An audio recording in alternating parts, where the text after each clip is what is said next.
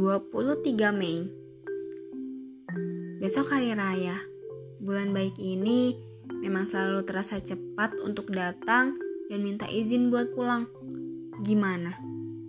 Sebulan ini sudah dapat apa? Jangan sampai yang ada di kepala cuma buka puasa bersama.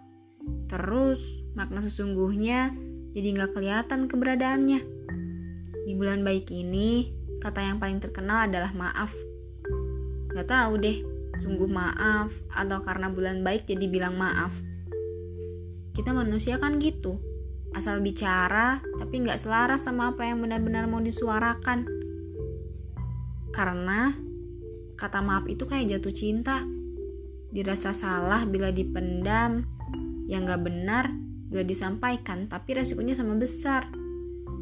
Hmm, gini aja deh, perihal maaf memaafkan dengan sesama, jangan lupa maaf terhadap diri sendiri ya. Urusan baik nggak baik, yang sudah atau yang belum dilakukan, perlahan diikhlaskan. Jadi, lebaran besok jangan cuma minta maaf sama orang lain. Urusan sama diri sendiri pasti lebih menumpuk apa sih yang paling ngangenin dari bulan ini? Ngantuk waktu sahur? Atau bingung mau buka puasa pakai apa? Kalau buat saya sih, yang bakal paling ngangenin tahun ini, kita diuji dengan menahan segala hal. Kita semua diuji dengan adanya pandemi ini. Kita tidak bisa berkumpul dengan merencanakan buka puasa bersama dengan kawan-kawan, dengan rekan kerja, bahkan dengan kekasih pula. Tapi hal yang menyulitkan seperti itu akan sangat ngangenin kalau udah nggak ada. Selayaknya dua insan yang terjebak di dalam sebuah perjalanan dan satu-satunya cara bertahan adalah dengan berjuang.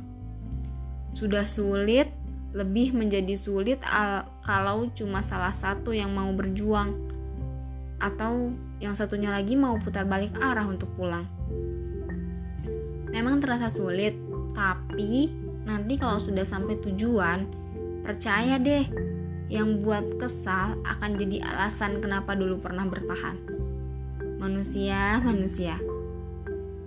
Hmm, lebaran tahun ini gak kepengen beli baju, cuma mau menikmati momennya aja. Eh, udah buat opor belum buat besok? Juga sambal goreng ati sama ketupat dan kerupuk udang. Wah, gak sanggup bayanginnya. Belum lagi saudaraan pertanyaan dari sanak saudara tentang dunia kita yang sebenarnya mereka nggak berhak untuk menanyakannya. Seperti pasangan, karir, ataupun penghasilan. Karena percuma ditanyakan, dijawab pun nggak akan paham Cuma memang warna-warninya letaknya ada di situ. Siapkan saja jawaban yang aman atau jawab saja dengan senyum. Ya karena biasanya mereka akan bertanya sekaligus menjawabnya sendiri.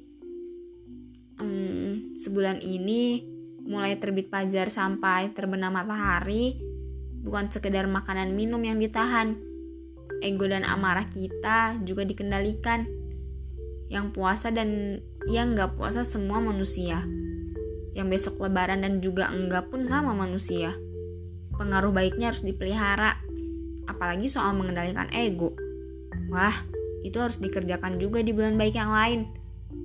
Kembali lagi, ego dan perasaan gak boleh dimanjain.